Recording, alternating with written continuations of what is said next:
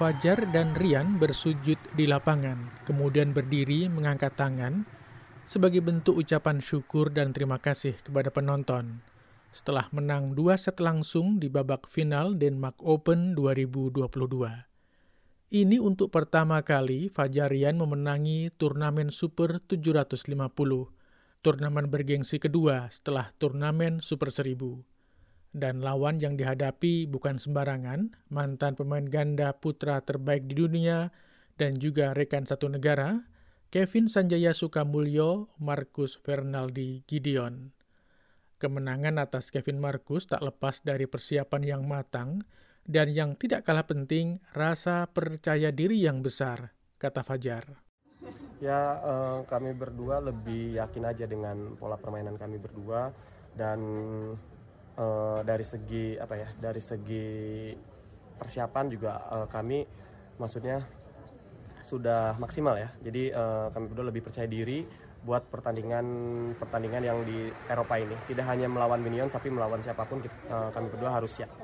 Sepanjang tahun 2022, Fajarian sudah 8 kali masuk final dan 4 kali keluar sebagai juara di seri Tour Dunia Badan Bulu Tangkis Dunia BWF. Gelar juara diraih di Denmark, Malaysia Masters, Indonesia Masters, dan Swiss Open. Penampilan yang sangat konsisten ini sangat berbeda dengan performa mereka pada tahun-tahun sebelumnya.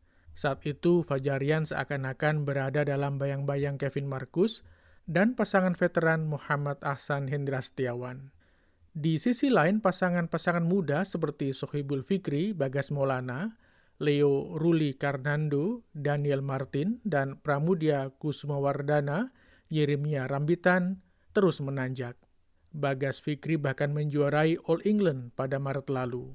Usai All England, pelatih ganda putra Indonesia, Heri Iman Pirngadi mengatakan, Fajarian harus waspada. Saya banyak berharap sih kepada mereka supaya mereka bisa mendekati akan tetapi kelihatannya mulai agak kesusul sama pemain uh, pelapisnya gitu saya uh, nanti harus lebih banyak apa namanya kita bicara pada Fajar sama Rian uh, mereka harus lebih waspada karena sudah mulai uh, disalip sama pasangan-pasangan muda yang di bawah mereka.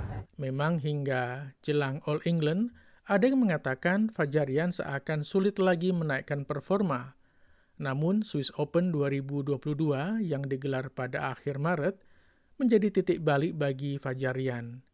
Dan sejak itu, Fajarian lolos ke final delapan turnamen, yaitu di Swiss Open, Korea Open, Thailand Open, Indonesia Masters, Malaysia Open, Malaysia Masters, Singapore Open, dan Denmark Open. Fajar mengatakan tak bisa dipungkiri, tampil konsisten, menambah percaya diri, dan juga menambah motivasi. Yang pasti ada perubahan ya, perubahan menambah percaya diri uh, kami berdua dengan banyak mengikuti uh, pertandingan dan bisa menambah gelar itu pasti setiap pemain pasti menambah motivasi dan percaya diri. Ya.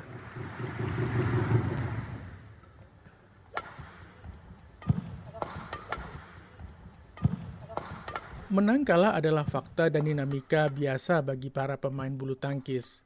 Yang terpenting tidak sampai terpuruk dan tetap punya keinginan yang tinggi untuk bangkit dan mencatat prestasi maksimal. Dan itulah yang dilakukan Fajar dan Rian. Ya kalau masalah itu kita tidak bisa berkata-kata ya. Yang pasti kita tetap sabar, menunggu, tapi kita tetap uh, percaya uh, yang namanya proses. Yang penting kita uh, punya keinginan, kita pengen yang jadi yang terbaik terus.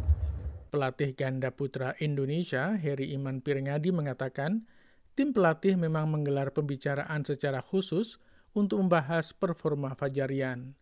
Bukan soal teknis, tetapi bagaimana mengubah mentalitas ketika bertanding di lapangan, kata Heri IP. Iya kan ada sedikit waktu itu saya juga ada komen, jadi uh, uh, harus uh, mereka harus lebih apa namanya giat lagi, bisa lebih semangat lagi dan bisa merubah uh, terutama uh, bukan masalah dari latihan ya, karakter waktu bermain gitu loh. Jadi selama tahun ini uh, Fajri yang paling konsisten karena eh, masukan-masukan diskusi saya, Fajar, Rian, sama Aryono itu mereka bisa membuktikan, melaksanakan dengan baik dengan hasil yang menurut saya pencapaian tahun ini yang cukup baik ya karena bisa 8, 8 kali ke partai final.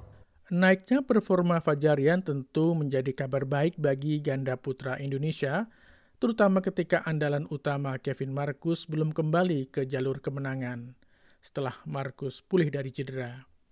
Konsistensi ini membuat kubu ganda putra yakin Fajarian akan bisa memenangi turnamen tertinggi BWF yaitu Super 1000 yang oleh Harry IP disebut hanya tinggal menunggu waktu saja.